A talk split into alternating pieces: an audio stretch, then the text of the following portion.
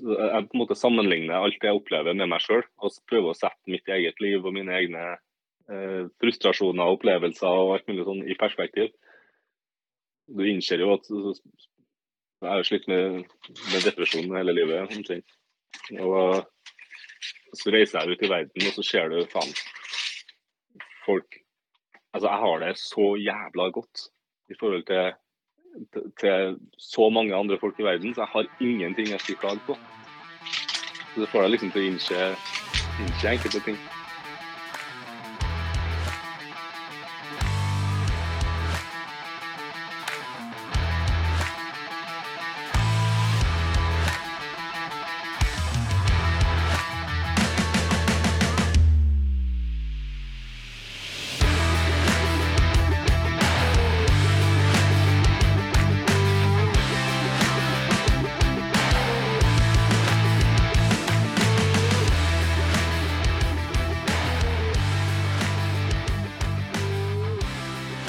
Da, ja da, ja da. Det er uh, artig at du sitter der og hører på Rally Nord podkast igjen. Uh, denne gangen så kjører vi en episode som varer så lenge som batteriene rekker. Og det vil si at uh, jeg har på telefon Kenneth Robertsen, aka Ride the Bean. Hallo? Halla, halla. Åssen går det? Jo, jeg kan ikke klage. Du kan ikke klage Det deg? går, det går greit. Nei, det er deilig. Det er godt å høre. Det er jo, eh, det er jo en stund siden vi har snakka sammen, og eh, hele planen eh, helt siden ja, den gangen før du dro av gårde, så, så snakka vi om det at jeg har jo veldig lyst til å holde kontakt med deg sånn innimellom, for å liksom få litt sånn updates, da, på åssen det er med deg. Ja. Det er, ja. det er veldig hyggelig for, eh, for meg å få lov til å ha kontakt eh, med folk der ute. Det er litt sånn derre Jeg husker barne-TV, så var det Reisende Mac. Det var stort. Reisende Mac. Jeg vet ikke, Var du gammel nok til å se på det? Nei, det tror ikke jeg husker. Nei, det var noen sånne søppeldynger, og det var mye sånne små arbeidere og Ja, folk som veit, de veit. Det er eh, og, og da fikk de postkort fra Reisende Mac, og han var rundt ute i verden. Eh, veldig, veldig stas. Kult å ha deg tilbake. Det er jo kult å være her. Ja. Eh, jeg veit at for øyeblikket så er du i Norge. Ja, jeg er faktisk det. Ja. Dessverre. Er det, er det begynne bakerst og si, at, si hvorfor du er det, eller skal vi bare begynne litt sånn der vi slapp eh, sist gang, på en måte?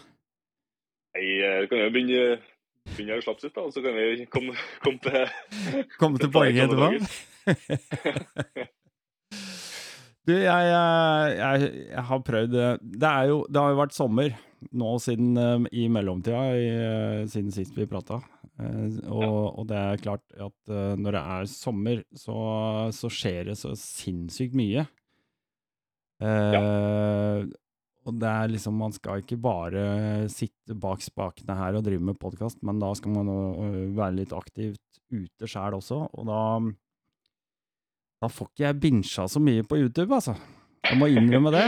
Det er Nei, det er eh, viktigere å kjøre, kjøre motorsykkel enn å sitte på YouTube. Ja, det er, det er litt sånn. Og så kommer vinteren, og, og nå er jo høstmørket begynt å komme, som jeg sa. Da, da begynner det å skje mer ting på YouTube. Men, uh, men uansett um, Jeg tror vi er sånn cirka, eller avslutta sånn cirka der hvor du ehm, Du hadde hooka opp eh, med, med Nei, men i all verden. Nå sto jo helt stille for meg. Jonathan, Jonathan, ja. Selvfølgelig. Jonathan, selvfølgelig. franskmann. Ja, og så, så var det litt uh, Etter det så havner du ned i Antibene. Ja. Uh, nede hos eh, Natasha og Lært. Lærte Lerte, Lærte. Ja. Yes. Det syns jeg var Det var litt sånn kult. Det var sånn god stemning. Det var så mye sånn derre Ja. Det var liksom ikke så Ja. mye motorsykkelreisegreier, men det var det som, det som fenga meg veldig rundt de greiene der, var, eh, var den dynamikken dere fikk der nede, og hvordan eh, Natasha eh, absolutt. Var bare super sånn der reiseguide, og kunne prate på inn- og utpust, og hadde masse historie, og dere Ja. var på sånne små dagsutflukter, og, og opp i fjell og rundt i sånne små pittoreske byer og sånn. Jeg synes det var helt fantastisk kult å følge med på. Ja, det var bra. Det var kult. Ja, det var en helt fantastisk opplevelse. Ja. Jeg hadde jo egentlig bare tenkt å være der i to dager, og Ja. så bare vært der i over en måned. Riktig. Så Nei, så det er eh, Altså, Antibene, det er faktisk noe jeg har kryssa på kartet nå. For det er, dit har jeg lyst til å dra. Det som er så kult, er jo at det er så mye altså, Du har de kjente byene Nice og Antibes og bla, bla, bla, Mm. som er liksom turistplassene. Mm. Men de små plassene oppe i fjellene, som er bare en halvtime time unna, det er helt fantastisk. Ja. Det er så mye fine plasser som du aldri har hørt om før, aldri har tenkt over at eksisterer. Hvis du bare tar deg en liten kjøretur. Mm. En veldig fin hub å være. Mm. Ja, det tror jeg på. Absolutt. Uh, men dere, mm, ja, dere, dere fikk jo et, et bra vennskap, tydeligvis. Uh, hvordan var det å, å, å liksom eh, bryte ut av det og liksom skjerpe seg og komme seg på veien igjen? Jo, det var artig. det. Altså, jeg ble jo litt rastløs. Ja. Det var jo, Hele den turen her i utgangspunktet er jo egentlig en form for terapi for meg.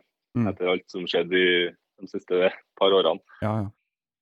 Um, så jeg var liksom åpen for alt. Jeg hadde egentlig ingen plan når jeg la av gårde.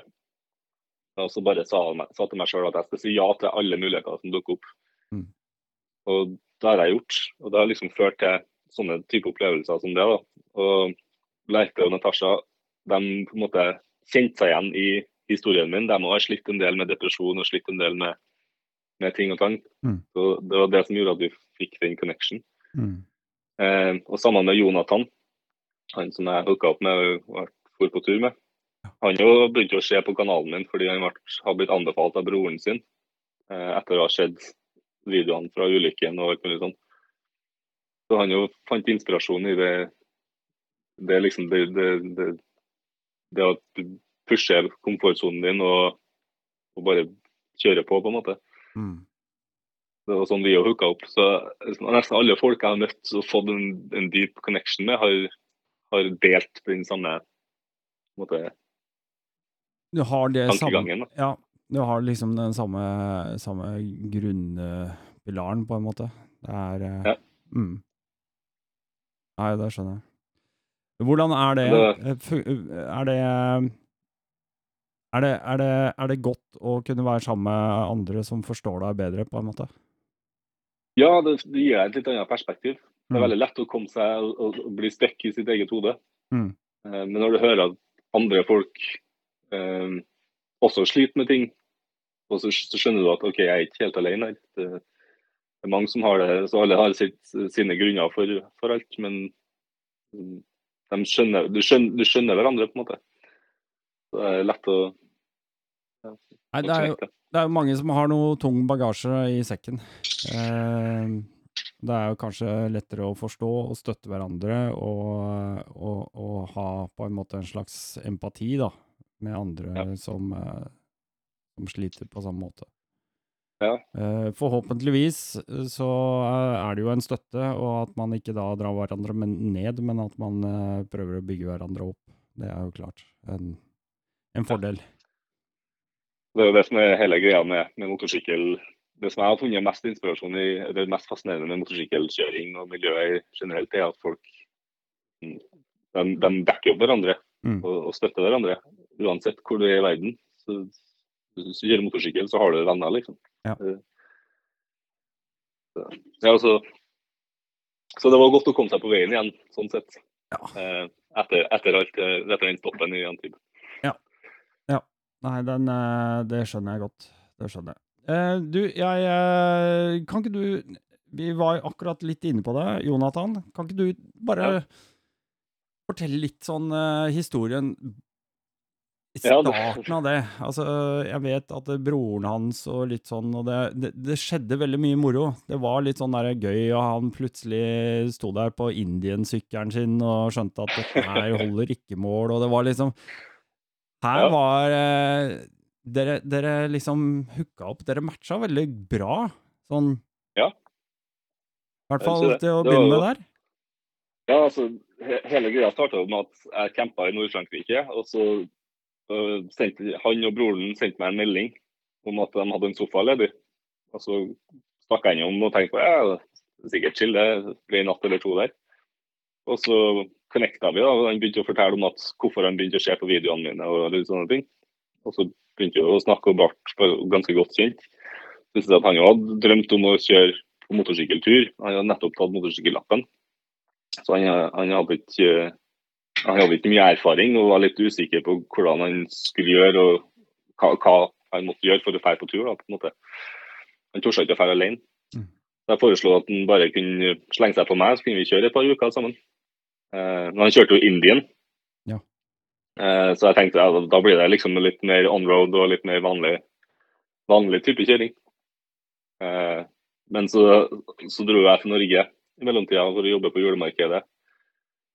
Eh, og mens jeg var i Norge, så hadde han solgt Indien sin, og så kjøpte jeg en Triumph Tiger 900. Ja. Som er litt, litt mer egna for å kjøre på langtur med. Ja, for det, jeg skjønte det sånn at uh, han egentlig hadde lyst på en sånn T7 som du har, og så rakk vi rakk det vel ikke å få det levert? Ja, det var det, også, men, men også uh, pga. at han ikke hadde hatt førerkortet lenge nok. For reglene i Frankrike er at eh, eh, du, må ha eh, De første to årene etter motorsykkellappen så har du ikke lov å kjøre en, en tung sykkel. Eller en sånn over Ja. uh, 46 hester, eller 40 hester, eller hva det var for noe. Eh, så du må ta en ny eh, førerprøve etter to år Ja. for å få lov å kjøre tyngre sykler. Eh, og T7-en de har utsolgt alle de modellene som var plombert. Ah, Så han fikk ikke tak i en T7 som var plombert, så derfor kjøpte han seg en 900 Tiger som var plombert fordi det var tilgjengelig. for det er sånn A2-opplegg? Ja. ja. Ja, Vi har vel det samme her i Norge. Reglene er vel akkurat eh, like. Vi er jo selvfølgelig er litt annerledes i Norge. Men her, her, er så hvis du kjører opp når du er 30 år gammel og kjører opp Ja. så får du tung, tunglappen med en gang. Ja. Men det gjør du ikke i Frankrike. Å nei, nei, du må uansett alder, ja. Ja. Ok. Så, det, det, Skjønner, skjønner. så, da. Nei, men så da da, ja. ja. Så da kjørte vi Satte vi bare kursen sørover, egentlig. Etter at han fikk sykkelen sin. Så det var- litt derfor jeg venta i, i, i um, Antibes såpass lenge. var For at jeg venta på at han skulle få sykkelen sin. Riktig. Hvordan var det Altså, jeg tenker sånn derre Det er jo ganske Jeg synes jo at han er ganske Han er jo tøff, da. Han utfordrer seg sjæl, for at eh, det er ikke bare bare å sette seg på en Tiger og med full oppakning Uh, Nei, det er sant, det. Null erfaring, vil jeg kalle det. da. Altså, Så du den, kan så vidt der kløtsje og gire. ja, det var, jeg laga en video der vi på en måte avduka sykkelen hans. Ja. Da, kjørt, da kjørte vi inn i skogen rett attmed der hans stod. Ja. Og det var første gangen han noen gang hadde kjørt sånn dekket sitt på noe annet enn asfalt. Så han kom, han kom seg ganske langt fra den dagen til, Til slutt, ja. til slutt. Ja. Ja. Nei, det er tøft gjort. Uh, uansett. Det var jo var mye knall og fall uh, nedover uh, gjennom Pyreneene og Ja. Vi tok, vi tok liksom en liten kjøretur. Jeg fant en sånn veldig tricky løype Ja. havnet der han bodde, sånn at han fikk prøve seg bare hvordan du kjører ned en, en bratt bakke på, på grus. Ja. Da tryna han jo i hytt og gevær. ja. Eh, og så rett etter det så kjørte, satte vi kursen mot Pyreneene Ja. og begynte å klatre. Det Så det var liksom det var, Vi ble kasta rett uti det. på en måte. Det er nydelig ilddåp, da. Uff. Det er sånn, jeg sitt- jeg satt og så på det og tenkte jeg bare tilbake på meg sjæl da jeg begynte liksom å ja, skulle liksom kjøre rundt i eh, offroad. Det er merkelig, merkelig når man ser tilbake hvor, hvordan man liksom har forandra ja, Hvordan man ser på situasjoner, hvordan man løser situasjoner og, og liksom Ja. Det er, eh, det er mye tankevirksomhet når, eh, når hjernen eh, går varm, altså. ja. Men, men. Moro er det. Eh, dere mm, Dere møter jo en del folk eh, underveis. ehm, som, dere, som dere blir uh, mer eller mindre godt kjent med også. Uh, var litt, du var litt inne på det sjøl, dette her med med ja, psykiske utfordringer, da. Eh, Edemir, for eksempel. Ja, Edemir var et fantastisk menneske. Ja. Han, eh, han så jo at vi var på, på, på vei sørover, og så sendte han bare en melding og sa jeg hadde fulgt kanalen min lenge. Mm. Um, og så spurte han om han kunne få kjøpe en kaffe til meg. Uh, så jeg tenkte jeg ja, jeg skal kjøre inn i Barcelona uansett.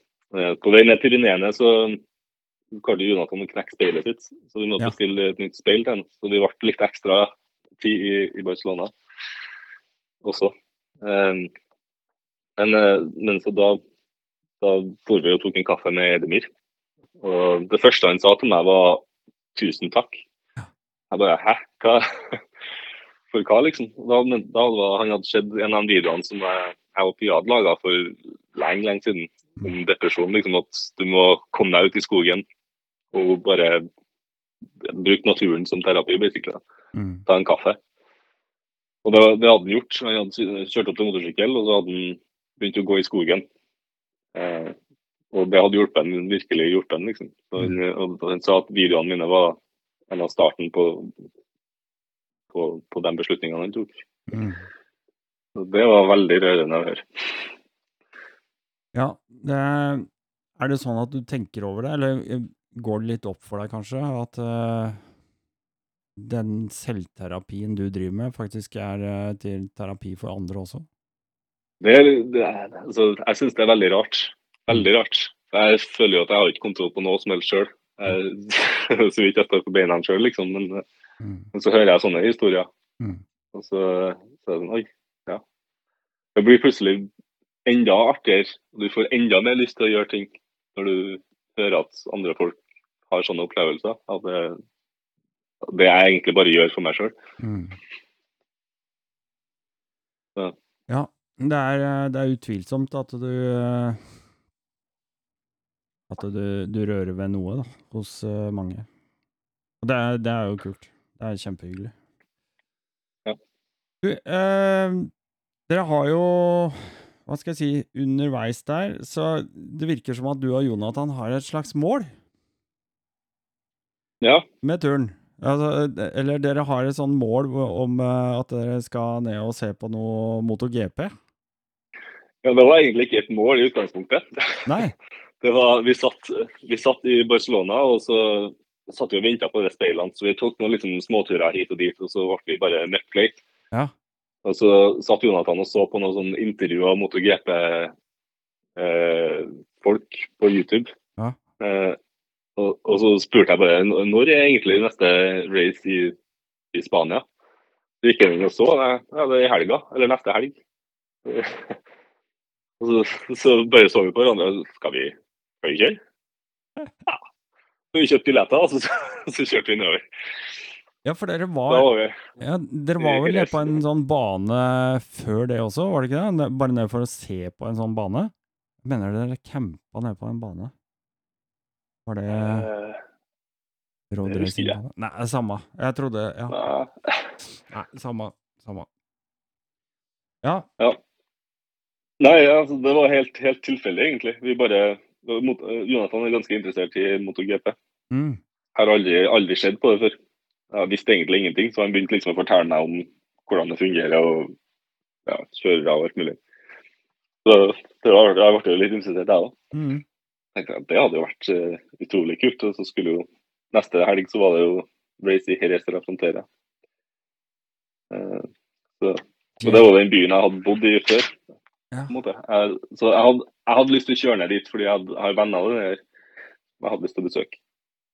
Så jeg hadde lyst til å ta turen nedover dit i utgangspunktet, men eh, vi hadde tenkt å kjøre langs kysten og ta mye lengre tid nedover. Men eh, så kryssa vi bare hele landet og kjørte rett ned. Jeg fikk med meg én ting eh, fra, fra den episoden der, som jeg tenkte å må spørre deg om. Eh, du syns at det var eh, kulere og bedre å se på elsyklene enn de med motor? Ja. Eller motor har begge, da, men uh, ja. Ja, jeg, jeg syns det er fascinerende at det kan være så stilt og gå så fort. Ja. For meg så ikke Jeg har aldri vært noe Jeg, jeg har aldri likt liksom Harley og sånne sykler som bråker. Jeg vil ha det så stilt som mulig. Har ikke, motorlyden har aldri vært noe fascinasjon for meg. Nei. Spesielt når jeg får kjøre i skogen.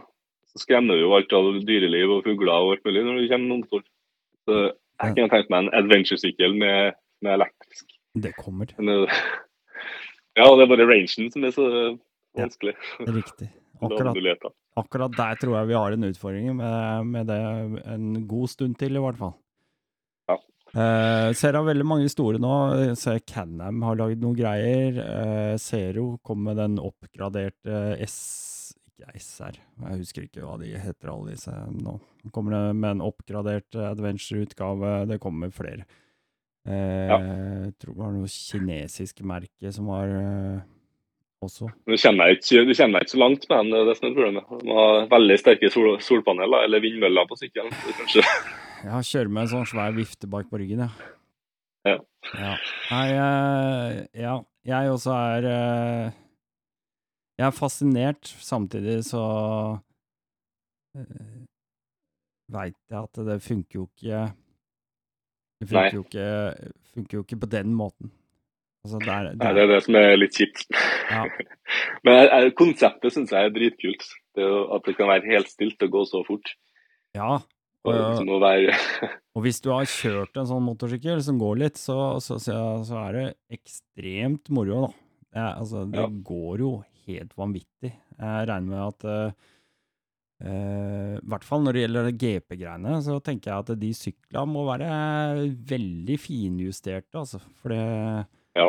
uh, Du kan Hvis du blåser alt ut med en gang, så, så ligger det jo på ryggen. ja, den, eh, jeg, fikk- jo ikke komme så veldig nært, men eh, jeg fikk se ladestasjonene som syklene sto og lada på Mm. mellom løpene. Det er jo sånne enorme batteri liksom, som lader på en veldig spesiell måte. Jeg kan jo skjønne ikke noe av teknologien, men Nei, nei. men jeg synes det var utrolig fascinerende. Nesten mer fascinerende enn enn MotoGP-en sjøl. Ja, det er jo Det er jo kommet et sted hvor de, hvor det der ikke kan eh, kan, Man kan ikke overse det. Så uansett hvor glad man er i bensin og olje og alt sammen, så kan man ikke overse det, for det kommer mer og mer. Ja. Uh, og det er vel kanskje kanskje, er kanskje litt annerledes enn enn motorsyklister flest. det akkurat det. Ja, ja, flest. Det er du, men du er ikke aleine.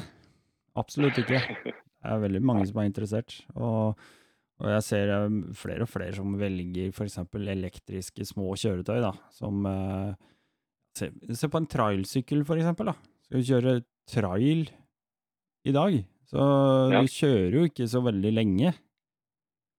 Eh, Nei. Altså Kan fint kjøre motocrossløp og, og sånne ting. Så det er mange, mange nisjer man kan putte elektrisk motorsykkel inn, som, som vil fungere. Uansett, det, eh, er kult. Det er litt kult. Um, du har jo selvfølgelig den, eh, den eh, gylne gylne stenen i Ride the Bean, det er jo, eller må vi si gylne bønna, det er jo kaffe. Ja. Mange kule kaffesjapper du er inne i, da. Ja, det er jo litt eh, sånn hobbyen min. Det, det er, utenom å kjøre motorsykkel, er å besøke kaffebarer og bli kjent med kaffefolk. Ja. Jeg syns jo det er kjempeartig. Så endelig så begynner spesialkaffe å bli eh, en greie rundt omkring i Europa også. Mm. Sist gang jeg var i Spania, så var det veldig få. Og nå eh, de siste to-tre årene så har det kommet masse nye sjapper. Mm. Spania og Frankrike. Det er, eh, Det er artig. Jeg skulle Noen ganger så sitter jeg og ser på, og du snakker om eh, alle disse sødme, og det er, det er frukt, og det er eh, Denne var søt, og den smaker helt annerledes varm og kald og alt mulig. Eh, Ja. eh, da tenker jeg at eh, her har jeg eh, her har jeg, her har jeg mista noe. Her er det noe jeg har, ikke har fått med meg. Ja, Drikker du vin? Nei, jeg gjør ikke det. Nei. Uh, jeg kan drikke vin, men, uh, men nei, nei. Jeg, er- jeg er ikke noe god på det heller. Jeg er sånn øltype. Jeg er eh. Kall meg gjerne litt sånn ølnerd. Der, der skjønner jeg veldig mye mer. Ja, det har en del likheter der òg, men altså, kaffe er nær- nærmere likt vin enn Ja. en øl. For øl er brygga på en helt annen måte. Men eh, sammenligner med vin, da, så har du jo forskjellige så Vinen smaker annerledes basert på jordsmonn, basert på druetype, basert på alt mulig sånne type ting. Og det er jo det samme med kaffe. Mm. Så, og med kaffe så er det eh, så Avhengig av hvordan du prosesserer kaffen, så får du fram ulike smaker. Hvordan du brenner kaffen, får du fram ulike smaker. Mm. Og hvordan du brygger den. Jeg syns, jo akkurat det er veldig fascinerende. Og spesielt når vi kommer til spesialkaffe, da, så er, det, så er jeg veldig fascinert av den etikken bak det. Fordi kommersiell kaffe er jo Ja. eh, altså det, Kilosprisen ligger på 1 dollar, 1,5 dollar på kommersielle, kommersielle kilosprisen på kaffe. Mm. Mens vi betaler gjerne 8-10 dollar per kilo. Eh, da kan du jo skj- skj- skjønner jo sjøl at eh, bonden, at det, de som jobber med det, får bedre betalt. Mm. du utnytter jo dem som jobber der, hvis du, hvis du kjøper kommersiell kaffe. på en måte. Mm. Så, eh, det føles bedre å kjøpe en kaffe som du vet at folk har fått betalt det de fortjener. Det ligger jo et sånt visst eh, menneskeverd bak den tanken som du snakker om nå. Uh, Ja. Er det noe du har med deg i bakhodet når du reiser rundt generelt? Ja, jeg tenker jo alltid på det. Det er spesielt Jeg på en måte sammenligner alt det jeg opplever med meg sjøl, og prøver å sette mitt eget liv og mine egne eh, frustrasjoner og opplevelser og alt mulig sånn i perspektiv. Mm. Du innser jo at Jeg har slitt med, med depresjon hele livet. omtrent. Og så reiser jeg ut i verden, og så ser du faen folk Altså, jeg har det så jævla godt i forhold til, til, til så mange andre folk i verden, så jeg har ingenting jeg skulle klage på. Nei. Så det får deg liksom til å innse, innse enkelte ting. Ja, ja. du nevnte det Det var en eller annen sånn episode jeg kom over. Eh, altså Hvis du har eh, slått deg på tommelen med hammeren, så er det liksom det verste som har skjedd deg denne Ja. uka, på en måte. Ja, Mens det sitter en annen som har sprengt av seg beinet i en annen situasjon. ja, det er liksom altså, Du skal ikke på en måte ta på deg skylda for andre ting og føle deg dritt fordi det finnes folk som har det verre. Men det er også viktig å, å på en måte være klar over det du faktisk har, og, og, og være takknemlig for det du har. Mm. Eh, Fordi det kunne ha vært veldig mye verre. og det, Plutselig så er det det, uten at du egentlig har noen forvarsel. Mm. Så, ja. Ja. Jeg tror jeg, vi, vi går jo mer og mer inn i en sånn verden nå, eh, hvor folk kjenner på det derre Litt sånn kanskje noen kjenner på frykt, redsel. Eh, folk kjenner på eh, mangel av eh, Ja, det er jo energikrise, og vi har økonomi som er veldig ustabil og usikker. Eh, priser som stadig stiger, og eh, den unormalt eh, høye prisstigninga, så spør man seg jo alltid hvor er det Hva er det i mellomleddet? Hva er det som tar de penga? Hvor blir de av? Er det noen som er grådige? Er det, er det en grådighetskultur midt inni her som henter ut og Ja. Er- det, forskjellene mellom fattig og rik blir jo større og større. ja, den blir eh, større og større. Det, Og det skjer, det, jeg synes det er interessant å se. Altså, du, ser, du merker det i Norge, men i Norge så merker du ikke på samme måte. Altså, Nei. vi har det godt uansett, på en måte. men du ser det veldig når du er ute og reiser. Mm. Og, og spesielt i enkelte land. I Spania nå så er det jo krise. Jeg husker, Det har vel blitt litt bedre, men Eh, For litt siden så var det i, i Andalusia i Sør-Spania. Eh, Så var det jo eh, 65-70% arbeidsledighet blant folk under 35. Mm. Det er, det er Mm, mye, altså. når 60-70% av befolkninga ikke har jobb, så har jo det ringvirkninger Altså. Så blir det vanskeligere og vanskeligere for alle. Det, det, er, det er sånne tall som er vanskelig å forestille seg. Ja. Hvordan, hvordan ser bybildet ut, på en måte? Er det sånn der, jeg stusser jo noen ganger, da. Så er det sånn midt på dagen, så kan jeg gå ned på Karl Johan, og så tenker jeg faen, er det ikke folk på jobb? det er jo en litt sånn der å skyte seg sjæl i foten, på en måte. Da. Sånn, ja, hvorfor er ikke du på jobb? Liksom. Eh, Men greia er jo at eh, mennesker jobber jo 24-7, så mens noen er på jobb, så er det kanskje andre som har fri i mellomtida. Og, og sånn. Men, men jeg tenker på et bybilde hvor 70 eh, ikke har noe å gå til. Hva, hvor er de menneskene? Hva, hva, hva gjør de? Hvor oppholder de seg? Og hva bedriver Ja, det er jo de, det, de, liksom? Det er jo det, så, sånne ting det fører jo til mer kriminalitet. Folk blir desperate. Og så er det mer hustling, mer altså, Folk må jo få penger til å overleve. Ja. Så du ser jo at kriminaliteten øker på enkelte områder, i hvert fall enkelte plasser. Mm. Eh, og det er jo gjerne dem som sliter fra før, som ikke har så mye fra før. Det er jo dem som blir ramma aller hardest. Eh, Er det vinningskriminalitet, eller er det type annet som narko Ja, det- det- og sånne ting, eller hva er det slags kriminalitet? Ran, kanskje? Ja, det er mer av alt, egentlig. Så, altså, jeg, har ikke, jeg har ikke opplevd det sånn direkte på kroppen, men jeg hører liksom når jeg har snakka med folk, eh, vennene mine i Spania f.eks., de, eh, de er lavere eh, middelklasse i Spania og har mista jobbene sine. Og de, de høsler, de prøver å få penger. De vil jo ikke bli, gjøre noe kriminelt, men, men de prøver å få penger på alle mulige måter Mm. de klarer å få til. Og alt er jo ikke like legalt, på en måte. De, de gjør ikke det, men alle, alle av deres venner igjen eh, Jeg møtt folk som, liksom, som har begynt å, å selge dop, og, og havner i Når du først begynner med det, så, begynner, så baller det på seg. Så blir det verre og verre ting. Begynner å rane folk. Mm.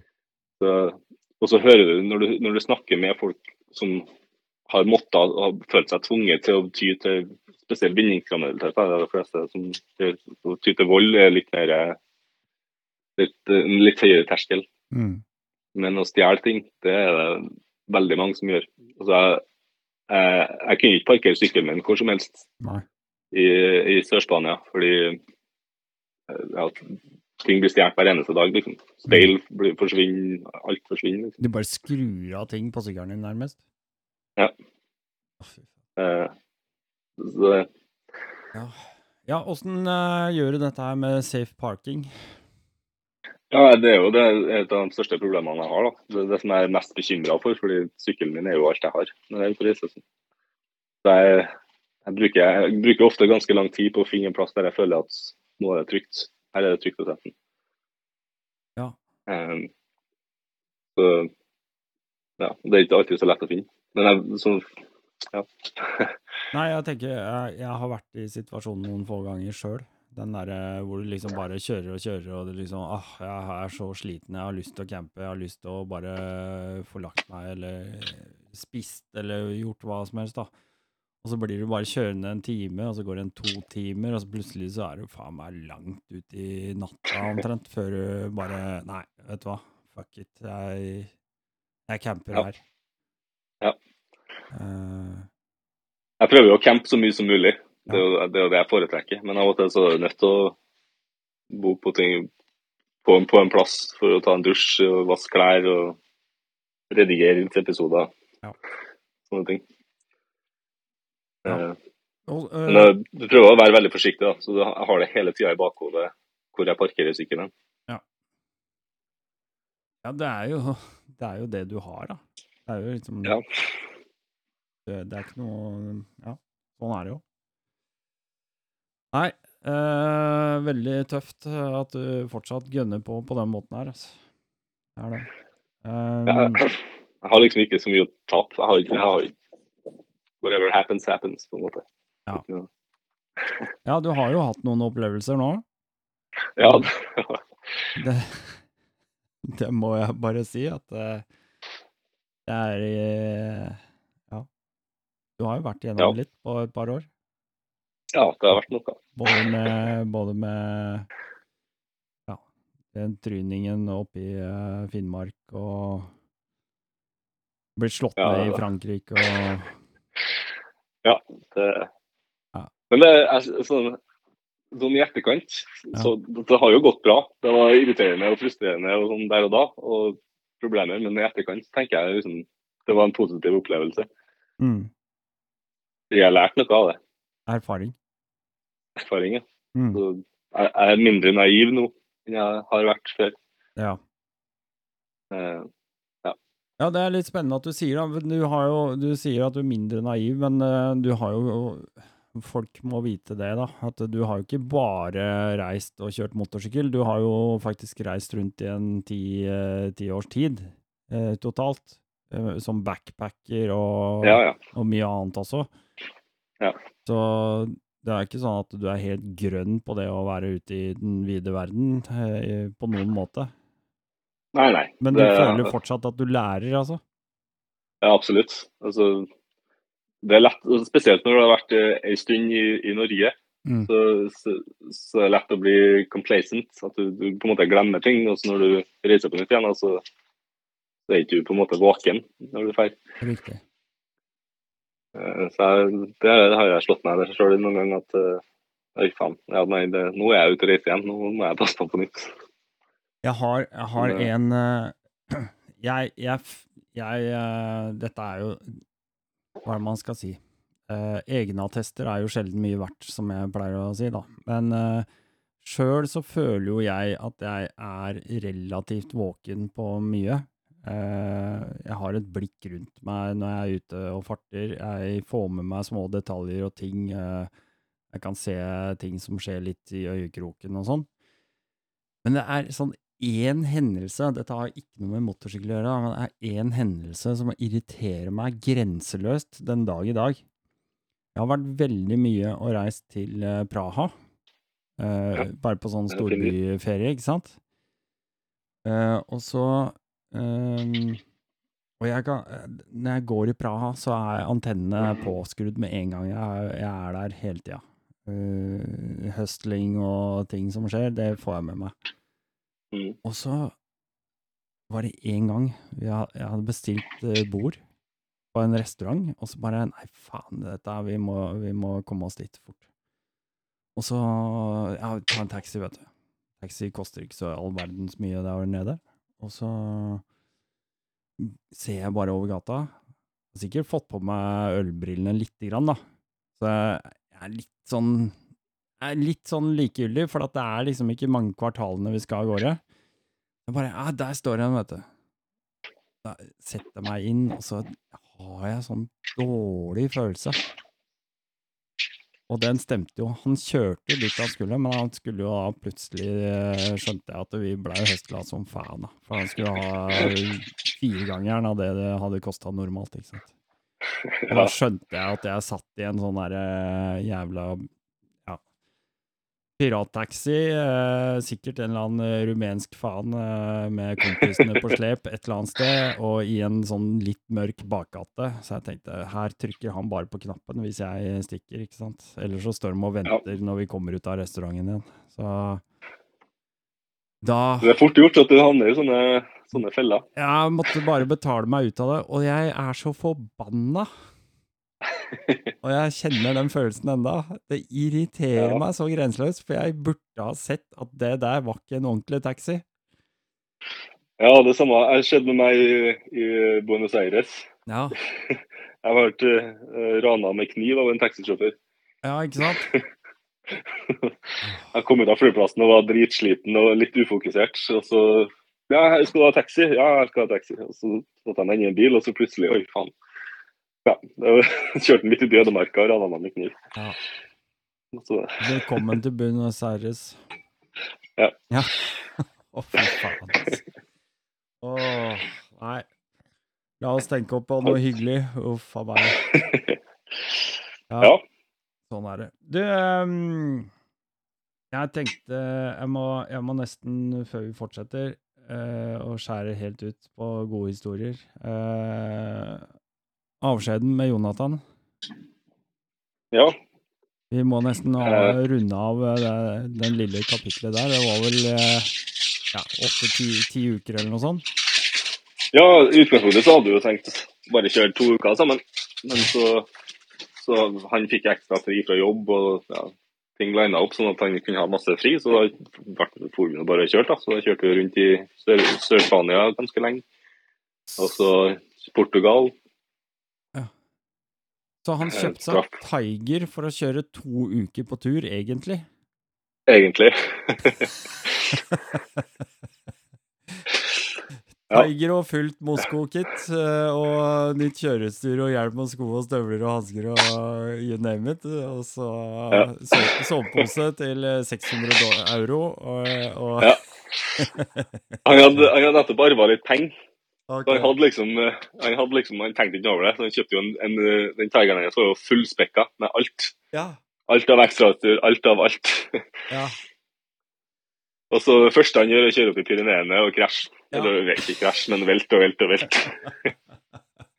så han, eh, han ble nå veldig flink å kjøre etter hvert, Ja. Han, eh, han sleit litt med selvtilliten. Han er sånn at han, eh, han, han må føle at han kan det før han tør å prøve det.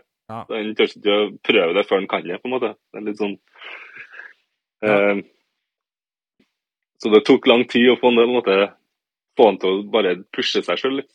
Men når han først gjorde det, så ble han jo kjempeflink. Ikke? Ja, for jeg så den eh, Dere hadde en sånn avskjedsepisode, holdt jeg på å si, hvor dere prata Ja. litt om de tingene der. Og Ja. Egentlig at dere er veldig like på mange områder, men så totalt ulike på andre områder. Da.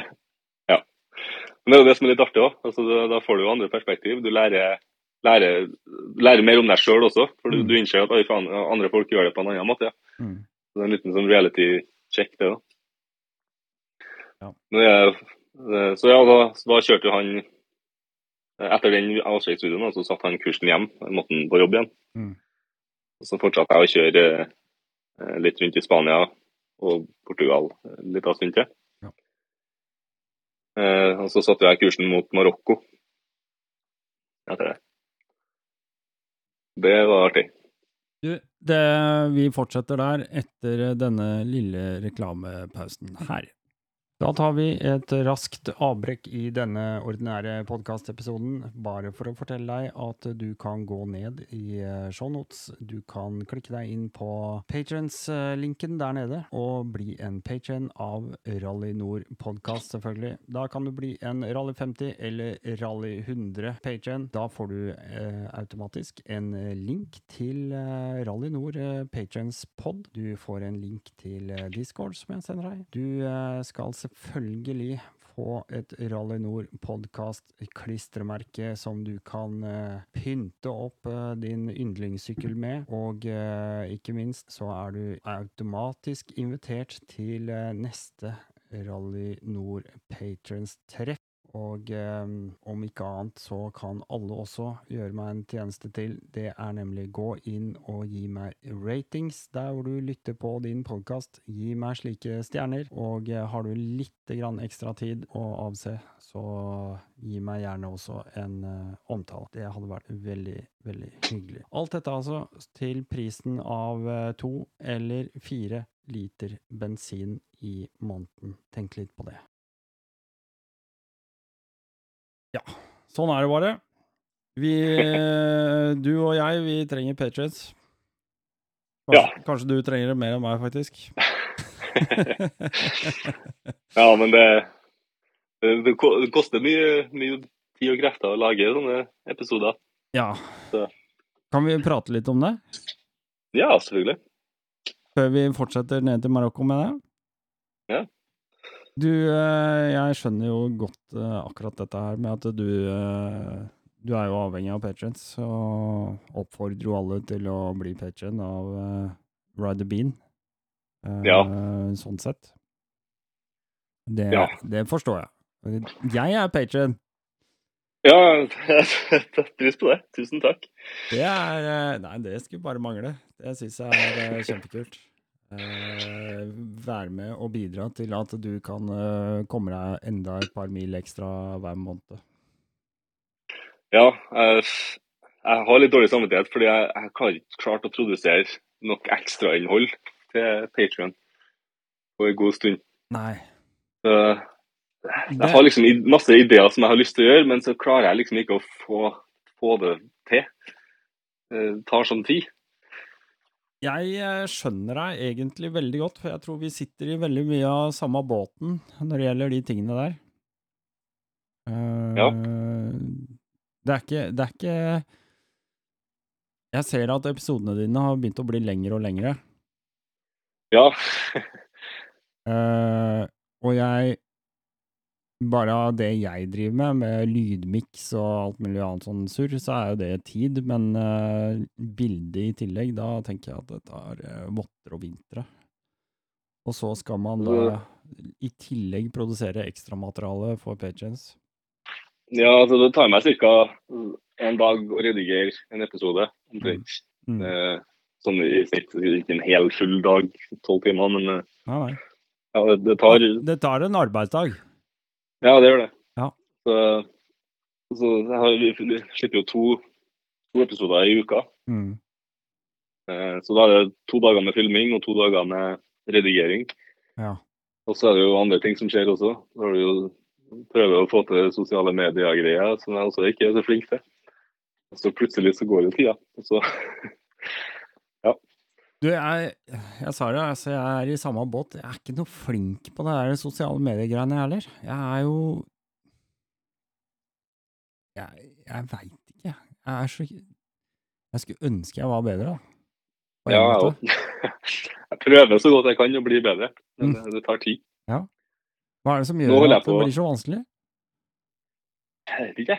Jeg, det er artig å være kreativ, men jeg er ikke naturlig kreativ, på en måte. Så det tar veldig mye effort. Det tar veldig mye tid, bare det å poste et bilde på, på Instagram. Det er sånn jeg tenker på det en time. Ja. Og så, ja. Så, Ja, jeg, jeg er helt enig, og jeg har jo en Instagram jeg også, som jeg skulle bare vært så jæsklig mye bedre på å poste ting. Som jeg, jeg er bare elendig på det. Det er så mye jeg skulle fått til. Kanskje jeg må bare Ja, som sagt, i sommeren, da. I sommerperioden spesielt, når du bor her på berget, så er det så mye annet som er mer fristende å drive med.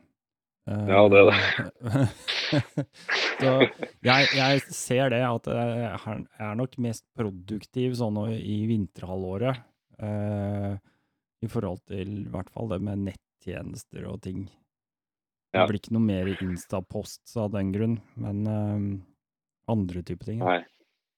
Jeg prøver nå, jeg sittet mens jeg har vært i Norge nå, så har jeg prøvd å, å på en måte legge en litt mer plan på hvordan jeg skal klare å, å, å gjøre mer ting. Mm. Eh, så jeg har liksom laga meg en ny nettside, eller jeg holder på med å lage en ny nettside. Jeg har lyst til å skrive mer blogger Ja. og liksom gjøre litt mer sånne type ting. Mm. Jeg har innsett at eh, altså, i utgangspunktet så var jo tanken min å bare være på veien hele tida. Det er det jeg har lyst til. Men så har jeg innsett at jeg får ikke til å gjøre noe. da. Hvis jeg er på veien hele tida, så får jeg ikke produsert noe. Nei. Jeg blir jo hengende etter med alt. Mm. Eh, så nå, nå tror jeg jeg skal ta meg en altså Jeg skal fortsette eh, å kjøre en liten stund til nå, men så må jeg ha en liten pause der jeg kan bare sitte og, og, og redigere og gjøre klart ting. Mm. Sånn at jeg kan på en måte slippe å ha det stresset med at nå må jeg At de hele tida må gjøre noe nytt. på en måte. Mm. Spesielt når jeg har jo, jeg har jo gjort det litt, litt sjøl, sånn siden jeg, jeg skal slippe to videoer hver uke. Så har jeg jo den deadlinen at jeg er nødt til å produsere hele tida. Ja. Men, men det er jo artig òg. Jeg syns jo det er kjempeartig å gjøre. For at det er litt stressende. Ja, men eh, så er det det der med fokuset, og det å liksom eh, Man må liksom rydde alt annet ut av huet og ut av vei for å liksom Ja. sette seg ned og fokusere på akkurat de tingene. Ja. Ja, det, det syns jeg er vanskelig. Hodet mitt er jo som en pingpongball. Mm. Jeg klarer ikke å konsentrere meg om én ting. Ja. Ne. Nei, jeg, jeg satt der og så på den der avskjeden med Jonathan og tenkte at uh, din og min hjerne fungerer ganske likt sånn sett. Faktisk. Det slo meg veldig, og ja. Nå skal ikke jeg påberope meg noen som helst eh, diagnose i det hele tatt, men eh, jeg ser det at huet mitt er eh, Enten så er det den pingpongballen Det er sånn, sånn derre Husker du sånne spill hvor du har sånn ball som du skal Du skal skyte ned sånne firkanter øverst i bildet, og så har du en sånn plate i bånn som du skal styre fram og tilbake. Ja. Og så er det den der ballen, den går bare plutselig så går den sånn dritfort fram og tilbake, og så er det sånn plutselig så er det langt og tregt. ja, det er ganske god sammenligning. Åh, ja ja. Sånn var det. Sånn er det. Ja. Men, uh... Men det er jo artig, da. Det er jo utfordrende. og Det, det gir deg jo liksom det er jo, Du får jo vært litt kreativ, og du får jo holdt på med noe. Ja. Så for meg så, så hjelper det meg på altså Hvis jeg ikke har hatt den YouTube-kanalen og alt det her, så hadde jeg bare sittet og syntes synd på meg sjøl. Ja. bare sittet og hata livet, liksom. Ja. Det er jo ikke bra heller. Så heller ha det sånn litt stressende og, og sånn enn enn ikke. på en Mm. Men jeg må ærlig innrømme, jeg skal gjøre som deg nå. Nå skal jeg legge ned en eh, plan, en struktur for vinterhalvåret. Ja. Det er- som regel da jeg er mest produktiv, sånn sett. For da sitter jeg bare her inne, og da er jeg som en sånn trykkoker. Ja. Da, da får jeg ikke gjort noe ute. Jeg, jeg er jo ikke et vintermenneske. Jeg er jo jeg bare Ja. Jeg syns det er vakkert. Jeg syns naturen er vakker. Jeg syns snøen er vakker. Altså, det er så mye flott og fint og fredfullt og pent og eh, Det er så mye sånn deilige visjoner, da. Uh, visuelle Ja. inntrykk av vinteren. Men med en gang det bare er sånn Du kommer ut i gata, og du vasser rundt i, eh, i sånne slaps og søle, og saltbilen har vært og spraya ned bilen din på morgenen med et eller annet sånn klin som bare henger fast overalt. Uh, Bikkjene ikke klarer å tråkke ut uh, fordi at uh, hundepoter fryser jo i, i salt. Ikke Ja. sant? Uh, du må drive og passe på de hele tida. Ja, nei, Da- da byvinteren Ja, Byvinteren hater jeg òg. Ja. Jeg elsker vinteren på fjellet, Mm. Men i byen så hater jeg det. Ja, det er helt Det er meningsløst. Ja. Rett og slett. Det er derfor jeg prøver ikke å stikke av og kjøre motorsykkel i Sør-Europa. Ja, det er smart, altså. Det må jeg gjøre. Men det, det er et godt tips, da, akkurat det du sa der. Ja, det er jo flere. Eh, har jo en tidligere episode med Gravel Boys Bergen. Eh, han pleier å stikke til Spania i vinterhalvåret. Eh, sende sykkelen sin ned. Det er jo ikke noe savn. Den sykkelen står jo enten bare i garasjen allikevel, så du kan like gjerne hive den på en lastebil og få den frakta ned. Tar en ukes tid ned og en uke opp igjen, men da har du sykkel der nede. Bare Ja. reise ned, kjøre to-tre uker, og så laster du sykkelen på igjen og tar fly hjem. Ja, det er jo smart, det. Ja, det tror jeg er smart. Så hvis man har eh, mulighet til å få organisert litt, så, Jeg tror det, per perfekte, det perfekte livet har vært eh, seks måneder i Norge om sommeren og seks måneder i Sør-Europa eller en annen, annen plass om Mm. vinteren. Mm. Det har vært perfekt. Ja, Jeg er helt enig. Det er det, det, er det, vi, det er mitt eh, mål i livet. Ja. Ja, sånn er det. Sånn er det. Um, du, vi må Vi må nesten Jeg må ha med det igjen. Eh, kombinasjonen av camping ute i skauen, eh, litt sånn bykultur, eh, og telt og hosteller hvordan, eh, er det Er det sånn at du bryter opp litt? Hvor liksom du sitter ute i skauen, du har kanskje campa i fire-fem dager på rad, og så er det bare sånn ah, shit, ass, nå må jeg bare se folk. Nå er ikke folk. Folk sovner aldri, egentlig. Nei. Men eh, eh, hovedsakelig så er det fordi jeg trenger å lade ting. Mm. Eh, Batteriet den begynner å gå tom, så jeg får ikke filma noe mer. og da, da må jeg inn på et hostall eller slenge og lade ting. Men når jeg først er på et hostall, så må jeg få, få gjort litt. Så da blir jeg gjerne et par dager. Ja, sånn, ja. Sitter og jobber litt. Ja. Så jeg prøver å ha sånn, sånn Det varierer jo litt, da, men sånn roughly tre dager i skauen og tre dager i, i seng. Ja, jeg skjønner. skjønner. Mm. Men, eh, men han. Jonathan han var ikke noe glad i de der hostellgreiene. Nei, han, eh, han liker ikke å bo med folk. Han er, han er litt sånn som meg, bare litt mer ekstrem. Så han, eh, han, han hater folk han hater byer. Ja, ja. Han vil bare være alene. Ja. Eh, så vi, vi klasja litt der av og til. Ja, det, det skjønner jeg. Det skjønner jeg. Jeg får jo dro ned på kaffebarer i storbyer. Jeg ville jo besøkt byer, fordi det er byene det finner kaffebarer. Mm. Men han, hver gang vi kom inn i en by, så hater han det. For å kjøre i trafikken i en by. Yes.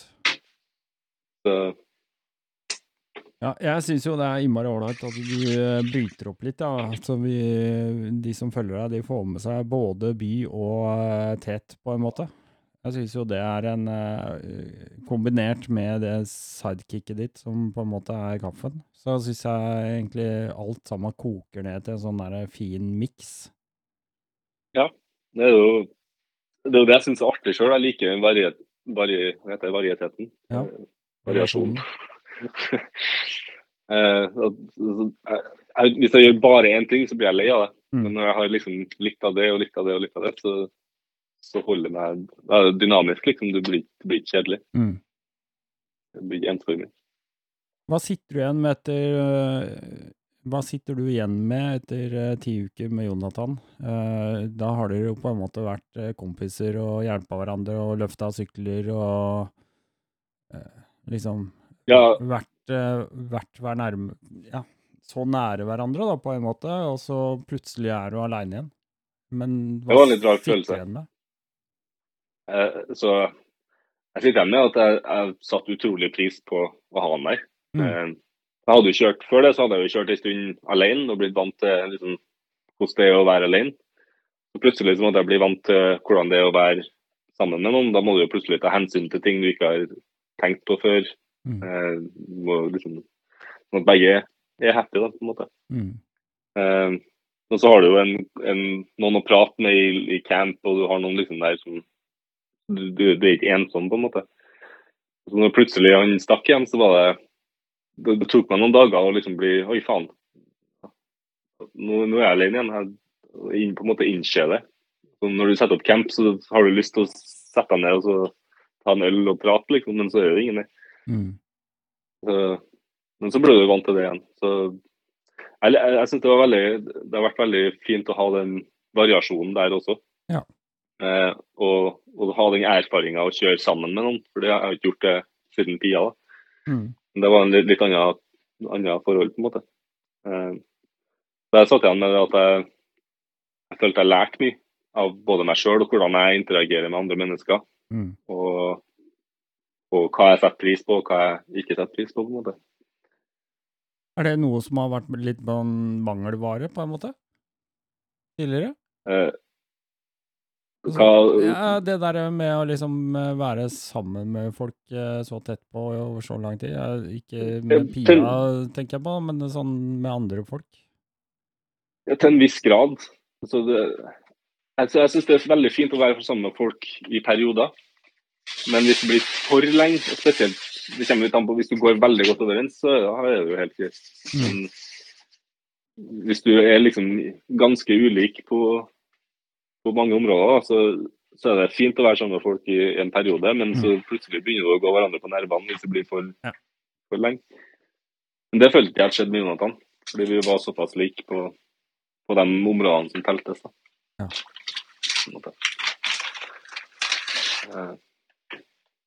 Ja. Um, du, jeg tenker um, vi må Du begynte jo på det, så det er deilig at vi bare kan eh, rett og slett eh, ta noen digresjoner underveis og spore helt av og dra av gårde. Det syns jeg bare er helt nydelig. Det er, eh, det er i eh, Rally Nord podkast sin ånd å ta den kaffepraten, som det jeg kaller det, og egentlig bare ja, prate om uh, livet generelt på to hjul. Men um, Ja. Jeg sitter her med en kopp kaffe sjøl nå. Så. Ja. Men, vet du hva, det skulle jeg ønske jeg hadde her nå, men det har jeg ikke. Eh, men ehm, jeg, jeg, jeg satt akkurat og så på eh, den episoden hvor du skal eh, krysse over til Marokko. Ja. Og så fikk jeg en sånn derre klump i magen-følelse når jeg bare skjønte at fy faen, nå har du punktert. ja. Eh, Jeg hadde en sånn For hele, hele historien lå litt sånn til at eh, jeg skjønte du skulle rekke den ferja og sånne ting. Om du hadde noen billetter, jeg veit ikke. Kan ikke Ja, du bare ja. fortelle litt? Fortell litt. Ja, altså, jeg hadde jo vært, har vært i Alicante en liten periode.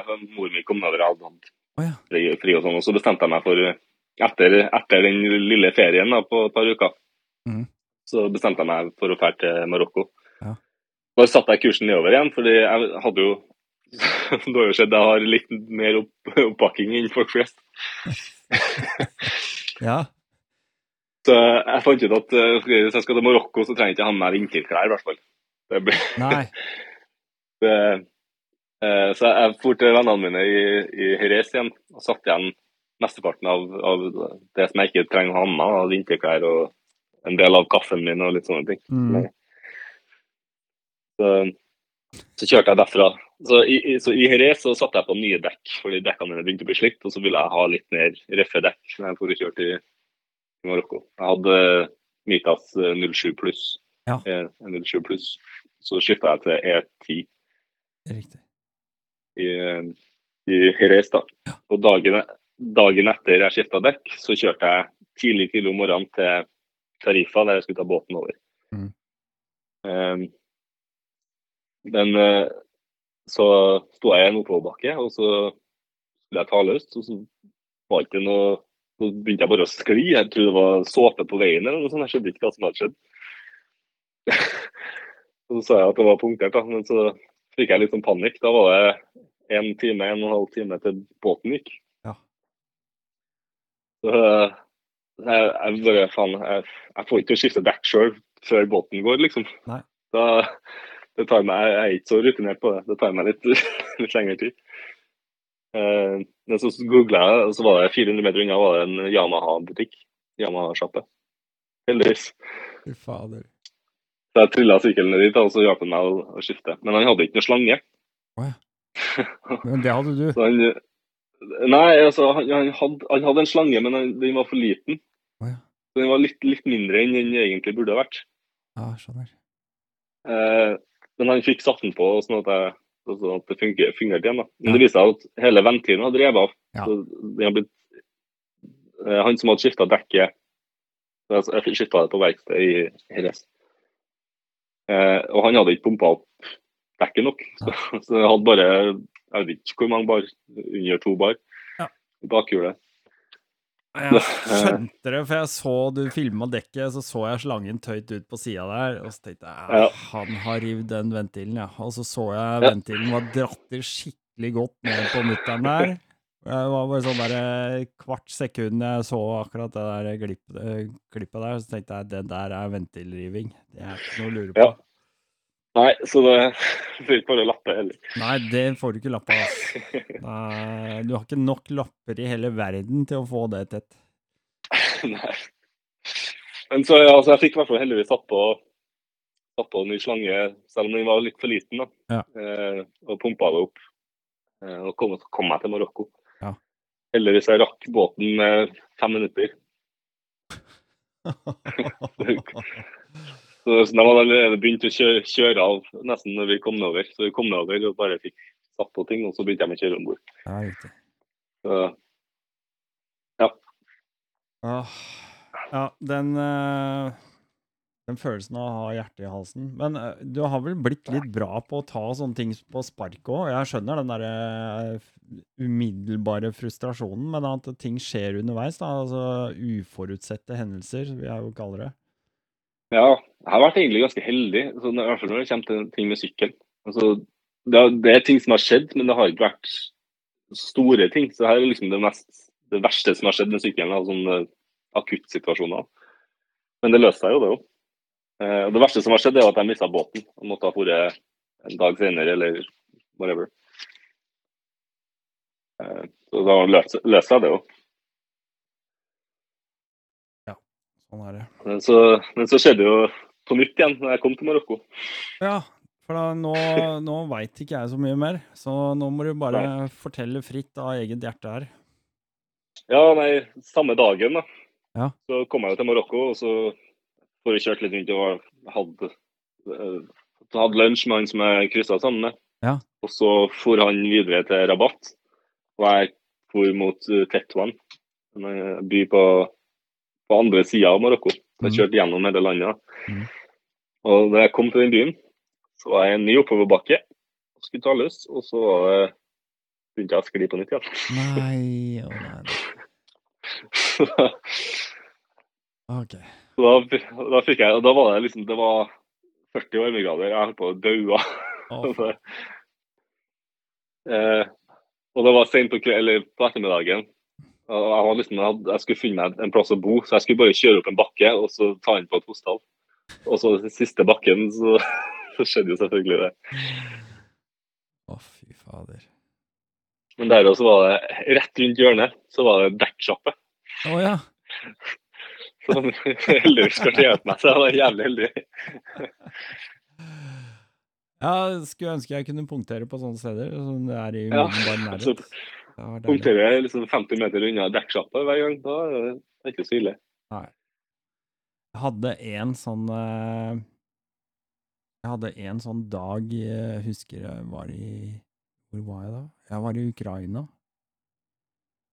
En dag hadde tre punkteringer og én røket uh, kjede. Uff. På én dag. Ja, det er bare sånn det går, Dette her går ikke. Hva faen er det som skjer her? Hva i all verden er det som foregår? Åh. Nei, det var, eh, det var helt sinnssykt. Ja. Det er bare noen sånne dager. Ja, men heldigvis, det har vært det verste som har skjedd meg så langt når det kommer til en altså, motorsykkelfeil. da. Ja. Sånne ting. Jeg har ikke hatt noe problem med sykkelen. Eh, Jeg har kjørt 60 000 km nå og har ikke vært noe issue med noe som helst, egentlig. Nei, for det, eh, det hadde jeg egentlig litt lyst til å høre med deg om.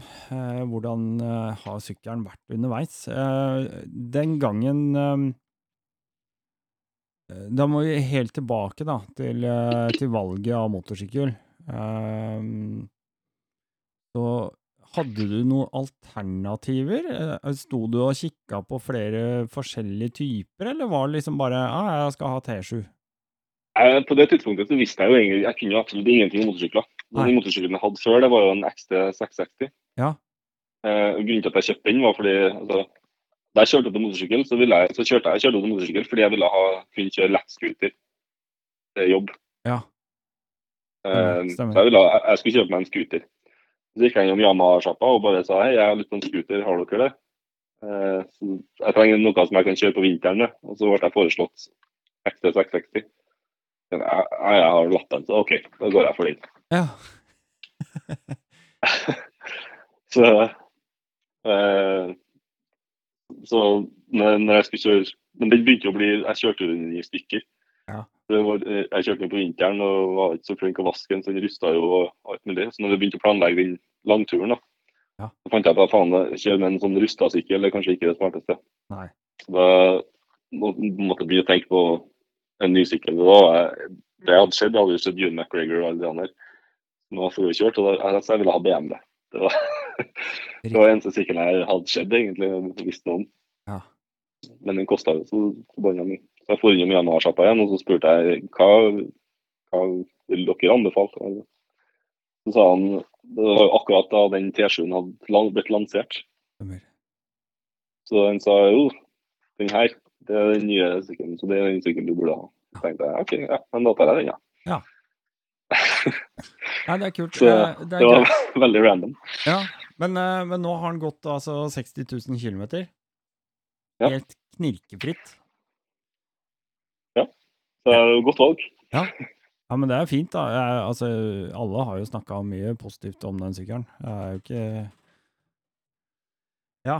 Um... hva sa du? Det var et valg, ja? Litt av grunnen til at jeg valgte, ikke valgte BMW-en også, var jo for at det er så mye elektronikk på den.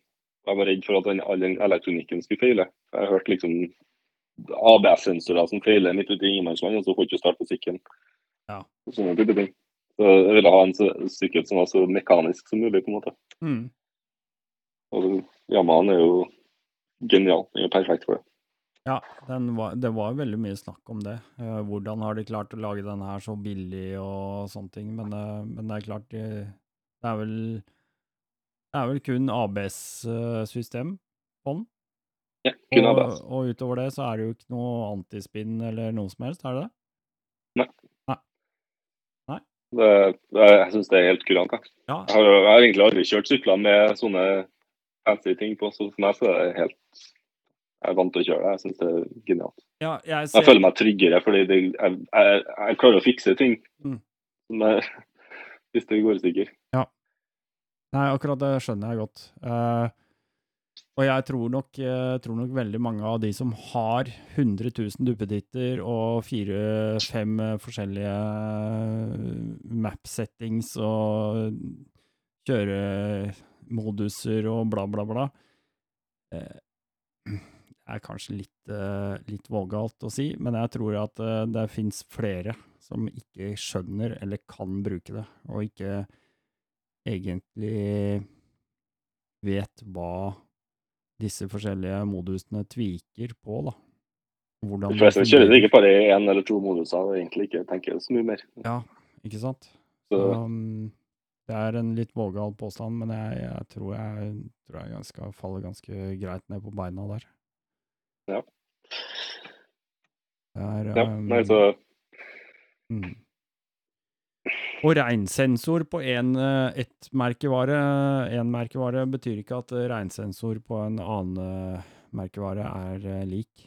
De eh, Nei. lager sine forskjellige utgaver av forskjellige moduser. Ja. Så jeg, jeg skjønner, skjønner godt den tegninga med det skjønnet. det, det eneste som jeg syns er irriterende, er at du må stoppe for å ta ABS-en av og på. Jeg ønsker du kunne ha gjort det i fart. Eh, ja, men får du ikke en eller annen sånn dongel til å ordne på det, eller?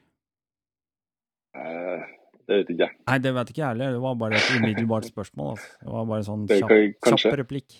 Ikke noe Kanskje det, det hadde vært fantastisk. fordi jeg, jeg, jeg, jeg, mister liksom flyten når jeg kjører. Jeg kjører jo ofte sånn, når jeg kjører 13 og kjører litt sånne veier. Så, så liksom, du kjører på grus, og så plutselig har du en strekke på asfalt, og så er du på grus igjen, og så er du på asfalt.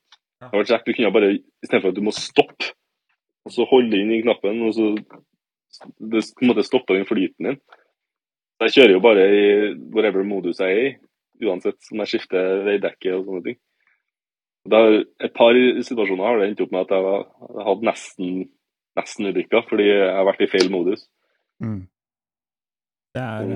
Ja, det er kjipt. Jeg, jeg, jeg retta på min eh, på, på huskverna med en dongel. Jeg også hadde en sånn greie hvor jeg måtte skru av den jævla ABS-en eh, og stoppe og skru av eh, hver gang. Ja. For den Jeg skjønner ikke hvorfor de lager den der. Nei, den aktiveres med en gang du vrir på nøkkelen. Altså, hvis du skrur av, da, så nullstiller du ABS-settingen Ja. din. Og så med, med en gang du setter nøkkelen i tenninga og vrir på igjen, så er den, er den engasjert, ikke sant? Ja. Og, og det fikk jeg fiksa med en dongel på min. Ja. Det var bare en sånn bitte liten plugg som du bare setter inn, og så husker den din setting fra hver gang.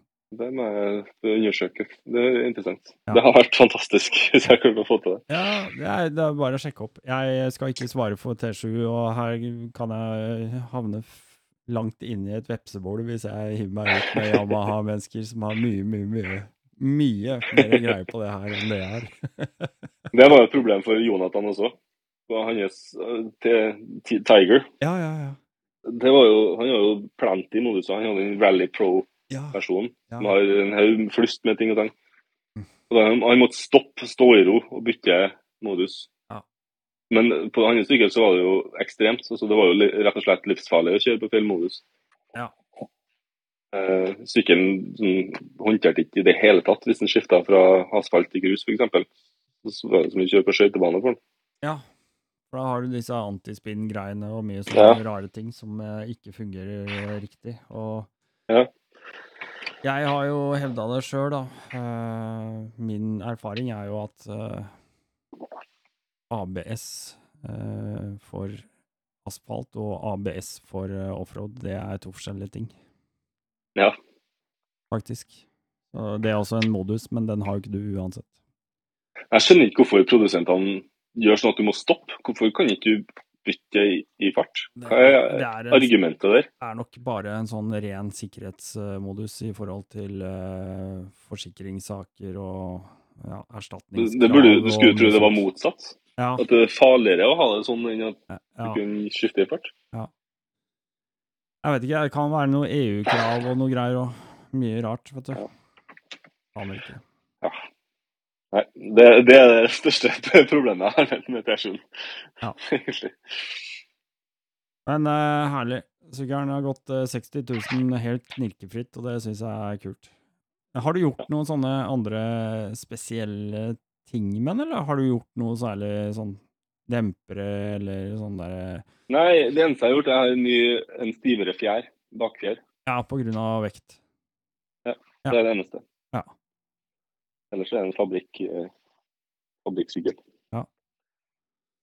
Jeg ser du kjører rundt med den der Garmin XT, er det ikke det han heter? Den GPS-en. Har du blitt noe mer venn med den, eller? Du har hatt noen sånne frustrasjoner innimellom, har jeg fått med meg. Ja, altså Når den fungerer, så fungerer den greit. Men problemet mitt er at altså, den mister connection ofte. så batteriet, eller den, Ja. den lader ikke, og så stopper den, den stopper å lade, og så plutselig lader den igjen. og stopper den å lade. Og Jeg prøvde å liksom rense connection-greiene og alt mulig, men eh, det, det fortsetter. Og så får ikke jeg til å koble den til Mac-en. Så den okay. leses, leses ikke på datamaskinen. Den det tar meg 50 forsøk for å koble til av og på, av og på, av og på så plutselig så står den der. Og så Hvis jeg rører på Mac- Mac-en, da, så, så disconnecter den igjen. Så Hvis jeg skal legge inn kart og gjøre sånne ting, så det går ikke. Det, ja. Jeg har prøvd masse forskjellige kabler og alt mulig, men det nei. Det er sånne Desto mer teknisk det blir, og, og om det da ikke funker, desto verre er det. Utrolig frustrerende. Det er helt krise. Men du kjører rundt med Du har eh, Garminen, eh, og så har du på telefonen samtidig. Bruker du Google Maps da, eller? Jeg bruker litt forskjellig. Jeg bruker Google Maps. Av og til bruker jeg Maps 9. og så okay. bruker jeg eh, GPX Tracker. Okay. Så Ja. eh, bruker jeg GPX-filer. Riktig. Litt avhengig av hva det er jeg gjør. Mm. Men logger du alle rutene dine også, med GPX-filer? Nei, jeg burde ha gjort det. Jeg har tenkt på det. Mm. Jeg skulle ha gjort det. Men så jeg glemmer det. Jeg, jeg setter meg på sykkelen, og så glemmer jeg det. Og så på slutten av dagen ah, faen, jeg skulle ha gjort Ja. det. Eh, det, det, har- det har vært en kul ting å kunne ha delt. Mm. Men, Men, ja. Det er så mye kult, vet du. Ikke sant? Ja. Du må bare huske på å gjøre det. Ja. Det det det er det største problemet. ja, men du får ikke tid til å drive med det til slutt. Vet du. Hvis du skal ha Nei. alt mulig rart. Jeg ser du, sånn som du kjører rundt, du har ett eh, kamera på hjelmen, og så har du ett på styret, som regel. Ja. Eh, eh, eller har du, har du flere, eller er det bare de to du har? Det er de to jeg har. Ja. Og så jeg har et annet kamera også, men det bruker jeg ikke så mye. Et sånn lite kompakt Sony-kamera. Mm. Men jeg har ikke, det er litt sånn som jeg tenkte, jeg kjøpte for at jeg tenkte å lage litt mer sånn kreative ting, men jeg, jeg har ikke fått det til. Jeg har ikke fått tida til Det er bare sånn det er. Ting Ja. tar tid. det. Og så er det sånn, når du, jeg har masse gode ideer når jeg sitter på sykkelen. så er det sånn, ja, Det har vært kult. I kveld så skal jeg lage en uh, review av støvler, eller whatever det er jeg tenker på. Ja. Så sitter jeg liksom mens du kjører, og så kommer du til camping på kvelden, og så er du bare dødssliten, og så orker du ikke å gjøre noe. Ja, for da har du brukt en og en halv time ekstra bare på å finne den spotten, ikke sant? Ja. Ja. Nei, jeg, kjenner, jeg, jeg skjønner deg godt. Jeg, jeg syns jo uansett at uh, det er godt gjort å, å, legge ut det du gjør, jeg, da. Jeg, jeg, jeg syns jo det. Takk for det. Sånn er det. Uh, nei, uh, hvordan Skal vi begynne å ta den derre Du er kommet til Marokko, og hva er det som skjer egentlig? Fordi Ja, derfra og I til i dag så er det jo bare ja, så lang tid. Ja, det er egentlig planen min. Marokko var sånn Jeg, jeg vurderte lenge om jeg skulle ferdig eller ikke. fordi på det tidspunktet så var det jo sommer. Mm. Jeg visste jo at det var veldig varmt. Og jeg kjørte jo med klimdrakt som er bygd for nordiske klima. Ja, ja. Eh, men så var jeg liksom i Sør-Spania, og så hadde jeg tenkt jeg, jeg skulle kjøre nordover etterpå. Og da var det sånn Enten så er det nå, eller så blir det ikke noe av Marokko. Så jeg, tog, jeg, bestemte meg for å kjøre litt, da, men jeg hadde liksom absolutt ingen plan. Mm. Jeg bare tenkte, jeg, jeg, visste ingenting om Marokko. Jeg har ingen kunnskap om det. Jeg visste ikke noe som helst. Jeg visste at Marrakech var i Marokko, liksom, og Atlasfjellene var der. Det var det. Og det var litt uvant for deg, for jeg, som jeg skjønte, så har du alltid hatt en sånn uh, forhåndsinnstilling til uh, steder du har reist, med at du har liksom uh, gjort litt research og funnet ut ditt og datt, og, og, liksom satt deg litt inn i kultur og veldig mye sånn på forhånd. Ja, til en viss grad i hvert fall. Så jeg har jo reist en del, så jeg har jo hatt en del ja, så jeg har hatt en del sånn, erfaringer som jeg har fått tidligere. og ting som er sånn generell informasjon som jeg visste om. Mm. Men Marokko visste jeg absolutt ingenting om. Det eneste var at altså, jeg har sett uh, filmer fra Atlasfjellene. Mm. Så jeg liksom, i flere år så har jeg, bare, har jeg hatt lyst til å kjøre i Atlasfjellene. Mm. Ikke noen spesiell, spesiell, grunn, bare for at det, det, så kult ut når jeg så det på, på video. Ja. Uh, så, så, jeg bestemte meg ja, jeg kjører til Marokko, og så ser jeg hva som skjer. Jeg tok det helt på sparket, jeg visste absolutt ingenting. Og til å begynne med så var det litt sånn ubehagelig. Veldig annen kultur, veldig annen sånn kultursjokk nesten. Mm.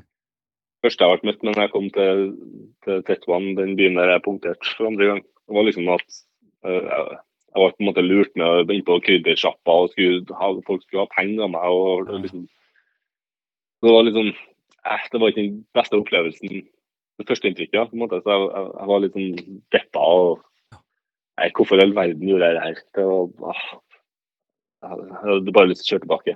Ja. Men så, eh, så fortsatte jeg ned mot Fes. Eh, tredje, andre, tredje, tredje største byen i Marokko. Mm.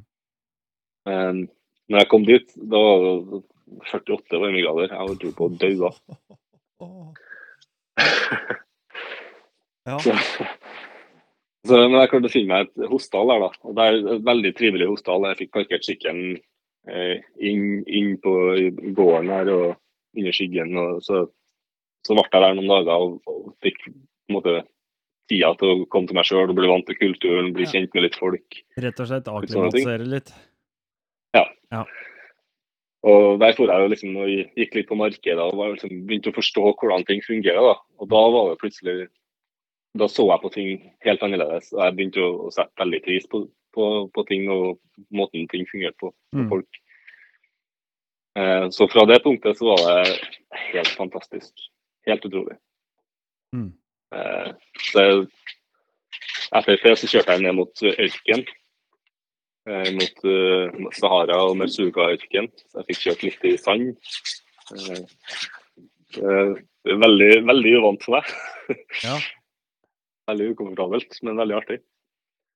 Men jeg, jeg torde ikke å gjøre det for mye fordi jeg var alene. Så jeg, jeg ville liksom ikke kjøre for langt inn i ørkenen helt alene. Nei, fy fader. Det skjønner jeg. Eh, ja. Så det er, jo, det er jo dit videoene mine har kommet nå. Ja. Men uh, har du lyst til å røpe du noe, eller er det sånn Er det ja. litt sånn Ja, du gjør det, ja. Kan godt gjøre det. ja, du, du skal, ta, ta, jeg skal sånn, ikke mase på deg. Jeg bare uh...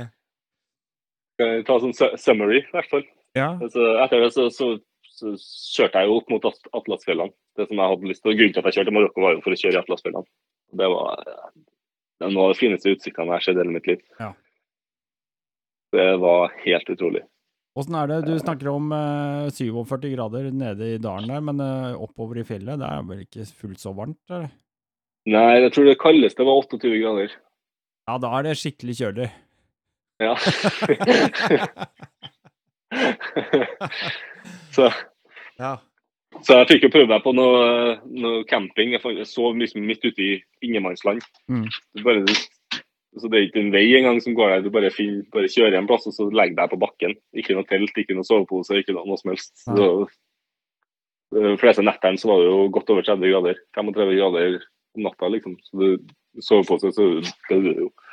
Men det er, du hva, nå ble jeg skikkelig sånn eh, Nå ble jeg sånn øyeblikksmisunnelig, fordi at jeg tenkte fy fader, bare komme opp der, eh, rulle ut uh, liggeunderlaget, og så bare legge seg ned og så se rett opp på en stjernehimmel, tenkte jeg. Er det Ja. riktig, eller? Ja, det var helt fantastisk. Helt utrolig. Det, Ah, det tror jeg er noe av de fineste campingnettene jeg hadde, egentlig. Altså Mest enkle, fordi jeg gjorde ingenting. Tok fram eh, kokekaret mitt og koka meg litt kaffe, og så la jeg meg bare og så rett opp på himmelen. Og det, that's it. Ikke noe telt, ikke noe ned- og opprigg, noe som helst. Oh. Det var veldig fint. Ja, det høres ut som en drøm. Åssen er det med, med sånne insekter og ting oppi der, da? Så det er jo ikke noe, det er jo ingenting. Det lever ikke det, noe der? Det, ikke Nei, det var jo ikke noe, det var bare sand. Det var sånn, sånn eh, kattesand, liksom. Ja, ja, ja. Katteboks. Det var absolutt ingenting. Så det var ikke noe Det var noen biller som krøp her og der, Ja, ja. men uh, that's it, liksom. Det var ikke noe noe problem. Og så, ja, så kryssa jeg jo fjellene, og så kjørte jeg opp mot, mot Casablanca. Eh, var der noen dager. Eh, og så dro jeg tilbake til Europa. Ja. Uh, da satte jeg kursen mot Italia etter det. Ok. Så jeg møtte, jeg møtte noen, noen andre som jeg begynte å reise sammen med. Aha. Vi reiste, reiste sammen Det var ei- dame som kjørte ikke motorsykkel, Ok. så hun reiste med buss. Men så møttes vi på litt ulike plasser. Så jeg kjørte motorsykkel, hun tok buss, og så, um, så møttes vi liksom og var noen dager på enkelte plasser i Italia. Ah, kult. Og så tok vi, så vi kom til, til slutt til Verona i Italia. Ja. Eh, Er det, er det Og- nordøst? Det er no, rett sør for Dolomittene, altså litt, eh, litt øst for Milano. Ja. Ok. Ja. To, to timer øst for Milano, cirka. Mm. Eh, og der eh, satte jeg igjen en del av utstyret mitt på en campingplass, eh, sånn at vi fikk plass på sykkelen. Og så kjørte vi noen dager opp i, opp i fjellene for å campe opp i Dolomittene. Eh, og der så skjedde det noe. Okay. Enda på nytt. Ja. Så den siste dagen da vi var på vei tilbake til campingplassen, eh, så var vi i en liten ulykke. Så jeg kjørte Så i hele Europa så har det jo vært Så er det jo vanlig å kjøre motorsykkel i bussfelt. Ja. Men akkurat i den byen så var ikke det lov, tydeligvis. Ok. Eh, så jeg kjørte i bussfeltet, og så var det en dame som bare tok en krapp høyre. Og så kjørte jeg rett inn i Så kjørte jeg rett inn i sida på. Nei. Uh, Hun blink, blinka ikke, liksom. Eller blinka én gang, og så svingte hun over i 40 km i timen. Så det var ikke noe tid til å reagere. Så jeg kjørte rett inn med en passasjer. Mm. Så, så det er egentlig grunnen til at jeg er i Norge nå. For den sykkelen min står på verksted i Verona. Nei, for fader. Åssen er det med dere?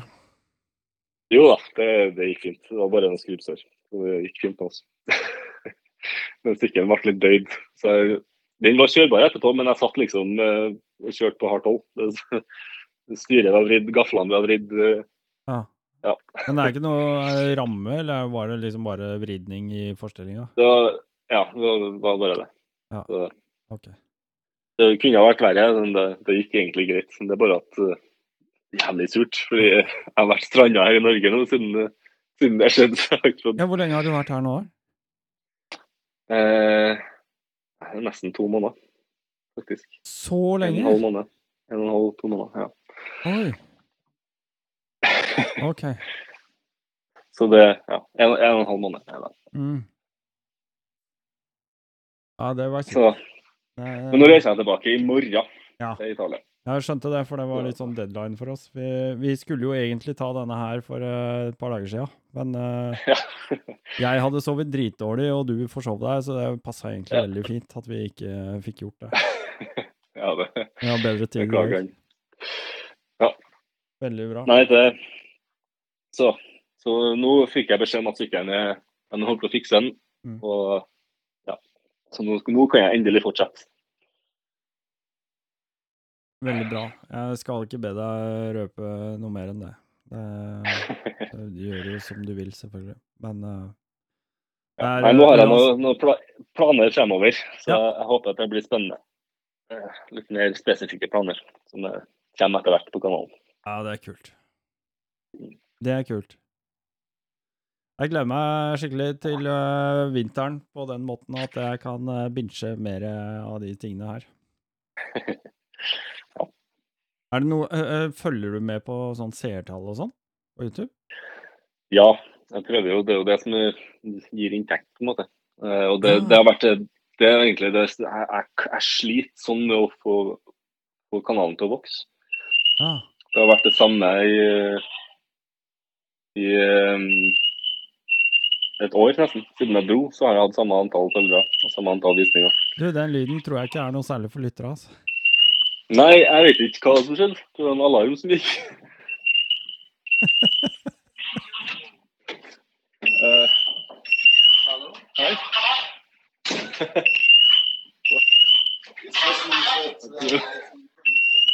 Jeg skal gå, gå ut et lite øyeblikk.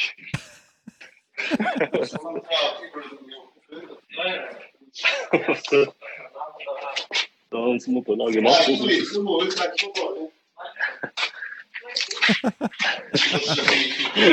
Er du på noe hostell eller noe sånt nå, eller? Jeg har en til vennene som bor i sånn kollektiv. Ah, ok. Så, så holdt på. Ja, nei, nå gikk jeg ut. Ja, ja greit. Ja, øh, vi falt av litt. Hvor var vi? Uh, ja, sykkelen er fiksa, og det er noen morsomme planer framover, forhåpentligvis. da. Og så Ja. Uh, Seertall var det vi snakka om, selvfølgelig.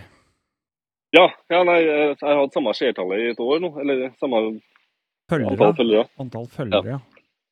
Og så det ligger ikke på mer enn et par tusen visninger per, per video. Det er liksom ikke nok til at jeg klarer å fortsette. på en måte. Jeg begynner å gå tom for penger. Ja. Det er litt kjipt. Mm. Uh, det, det, jeg jobber hardt med å prøve å finne på muligheter for å få litt ekstra inntekt. er det noen strategi eh, du prøver å legge opp, eller er det Eh, Eller er det vanskelig å finne en strategi i det hele tatt for det greiene her? jeg syns det er vanskelig. Altså, jeg prøver liksom å, å se hva andre folk har gjort, men eh, Mm. jeg får det liksom ikke til sjøl. Jeg vet ikke helt hva jeg gjør galt.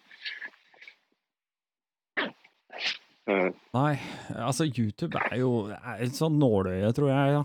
Uh, Ja, det er nok det. Nå, nå mener ikke jeg her å være pessimistisk, da, men mer sånn eh, Hvis man ser på det med litt mer sånn observante øyne, så, så ser du jo at eh, det er liksom noen som bare får alt. Det er akkurat som de, de knekker en eller annen sånn der magisk grense på et eller annet. Ja. Og så blir jo selvfølgelig videoene deres eh, promotert mye heftigere eh, på sånne åpne ja, det er liksom det. Det, det, sånn- det som er interessant, som jeg synes er så Tilbakemeldingene jeg får fra dem som ser videoene, Mm. er at det er veldig bra. Mm. De syns det er kjempespennende og kjempebra laga og bla, bla, bla. Mm. Men det når liksom ikke ut til nye. Nei. Og så tror jeg kanskje at det, fordi at det er en, på en måte en, en fortsettende historie. Hvis du bare detter over én episode midt i Ja. historien, Ja. så har ikke du konteksten. Nei, men det er ikke helt riktig heller, da. Se på Ja, alle følger jo Alle store glansbilder er jo Itchy Boots, eh, selvfølgelig.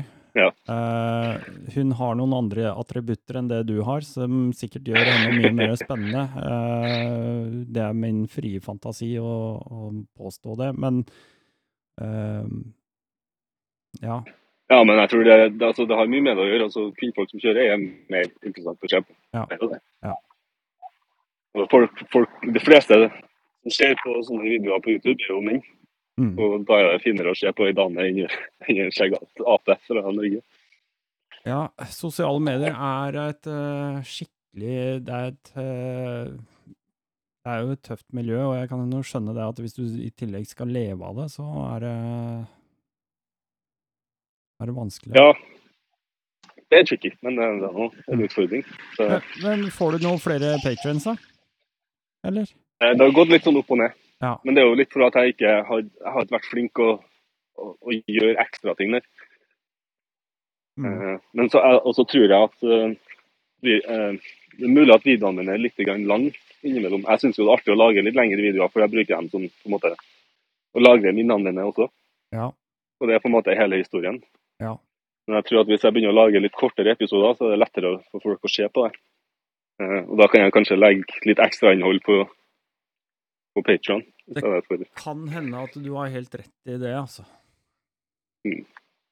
Det er sånne tanker jeg bare prøver å tenke ut nye måter å gjøre ting på. Mm. Jeg hater egentlig at det, å ha en sånn at, at du må gjøre ting for å, å vokse og for å sånn og sånn. For jeg, jeg gjør det jo egentlig for at jeg syns det er artig. Mm. Det er jo det som er grunnen til at jeg holder på med det i det hele tatt. Ja. Men så har jeg jo lyst til å fortsette å reise. Og for at jeg skal fortsette å reise, så må jeg ha en, en viss inntekt. Men du, eh, jeg, jeg tror at eh, for den eh, ordinære lytteren så setter vi streken og punktum eh, her for denne gang. Og så holder du linja lite grann, og så avslutter vi to etter dette. Ja. Eh, da må jeg jo bare takke nok en gang da, for at du gidder å ta deg tid til å stille opp på Real Nord podkast. Det er jo alltid hyggelig å, å få lov til å prate med deg igjen og, og høre på noe oppdatert uh, info. Og så deilig at du blør litt sånn uh, på slutten her. Det er ting som er litt sånn off the record. Det er, det er selvfølgelig hjertelig velkommen. Nei, det er bare trivelig, det. Hold linja litt, grann, Kenneth. Så eh, til deg som har lytta, så må jeg jo bare eh, anbefale, eller eh, ikke anbefale, men oppfordre med Oppfordre til å hjelpe Kenneth Robertsen, aka Ride the Bean, videre på sin ferd. Og enten ved å bli patron av Ride the Bean, eller streame sinnssykt mange videoer, sånn at han får noen tusen nedlastninger til. Det fikser du på en lørdagskveld, vet du. Ok. Takk for meg. Mitt navn er eh, Dennis Travolta, og eh, hvis du følger med i neste episode, så eh, det kommer veldig mye spennende, kule ting nå framover. For nå er høsten her, nå er det mørkt, og nå er det kjedelig å være ute, så nå har jeg mer, mer og mer tid. Ok. Ha det.